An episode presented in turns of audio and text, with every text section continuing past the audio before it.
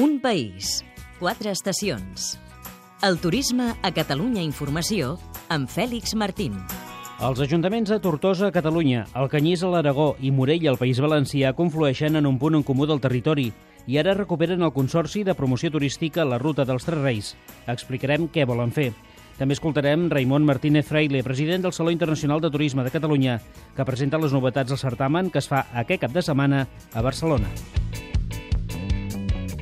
Tortosa, Alcanyís i Morella volen aprofitar els seus atractius turístics per donar a conèixer les tres poblacions veïnes per començar entre els mateixos veïns dels tres territoris.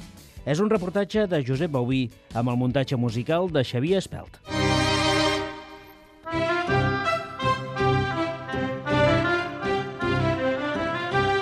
Aragó, Catalunya i València tenen històricament un nexe d'unió molt fort amb vincles comercials i culturals molt arrelats. Geogràficament hi ha un punt conegut com el Tossal dels Terreix on conflueixen els tres territoris. El Consorci Turístic de la Ruta dels Terreix va ser constituït l'any 2000 pels ajuntaments de Morella, a la comarca dels Ports, Alcanyís, capital del Baix Aragó, i Tortosa, a les Terres de l'Ebre. Fins ara aquest consorci ha estat inactiu. L'alcalde de Tortosa, Ferran Bel, aposta per anar més enllà. No volem només aquesta col·laboració en l'àmbit estrictament de la promoció turística i la promoció de les nostres ciutats, sinó que també vam acordar i intentem fer així doncs, que hi hagi una millor col·laboració eh, en les ciutats eh, a tot nivell. Ramsès Ripollès, alcalde de Morella, explica algunes de les propostes inicials d'aquest consorci. Elaborar viatges eh, per a, especialment dedicats a les associacions de, de jubilats per a que puguen conèixer les tres ciutats, és a dir, gent d'Alcanyís que se pugui desplaçar a conèixer Tortosa o Morella i a la inversa. Pensem que és un projecte que en pocs mesos el podem ficar en marxa. Per la seva part, l'alcalde del Canyís, Juan Carlos Gracia, ha marcat un calendari. finales de, del mes de mayo, sobre mayo, pues podemos hacer una asamblea, aprobar el presupuesto y sobre todo pues relanzar eh, esos proyectos, ¿no? El proyecto de, sacar un, logo, un logo nuevo que, represente a la, ruta de, de, los Tres Reyes y por otro lado ese proyecto de empezar a, través de una empresa pues a diseñar ¿no?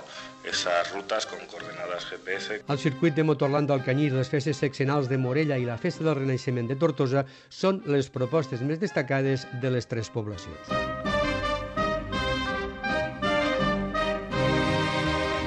El protagonista. Soc Raimon Martínez Fraile, president del Saló Internacional de Turisme de Fira de Barcelona, que té lloc aquest cap de setmana 19, 20 i 21 d'abril.